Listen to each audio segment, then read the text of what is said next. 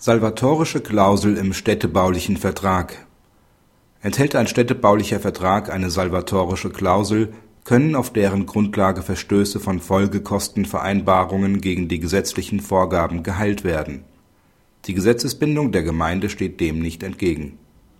Zwischen den Parteien besteht ein städtebaulicher Vertrag, in dem eine Vereinbarung einer Folgekostenübernahme unter Verletzung von § 11 Absatz 1 Satz 2 Nr. 3 BauGB getroffen wurde. Daneben enthält der städtebauliche Vertrag eine salvatorische Klausel, nach der eine unwirksame Vertragsbestimmung durch eine zulässige Bestimmung zu ersetzen ist, die dem erstrebten Zweck der unwirksamen Bestimmung am nächsten kommt. Eine solche Ersetzung ist in einem städtebaulichen Vertrag auch unter dem Gesichtspunkt der Gesetzesbindung der Gemeinde möglich und zulässig. § 11 Absatz 1 Satz 2 Nr. 3 BauGB normiert das Kausalitätserfordernis zwischen dem geplanten Vorhaben und den städtebaulichen Maßnahmen, für deren Folgekosten der Vertragspartner der Gemeinde aufkommen soll.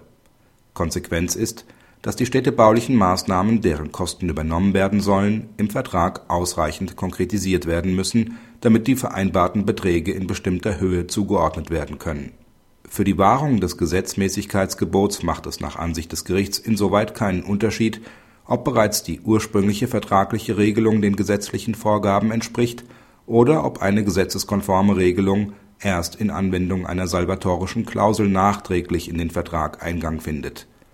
Enthält der städtebauliche Vertrag eine entsprechende salvatorische Klausel, kann die Ersetzung der unwirksamen Vertragsklausel in analoger Anwendung von § 315 Absatz 3 Satz 2 BGB auch durch ein Gericht erfolgen.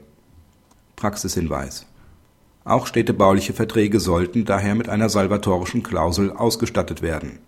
Dies kann dazu beitragen, rechtswidrige und damit unwirksame Vertragsklauseln, insbesondere Zahlungspflichten des Vertragspartners der Gemeinde, zu heilen und damit im Zweifel den gesamten Vertrag zu retten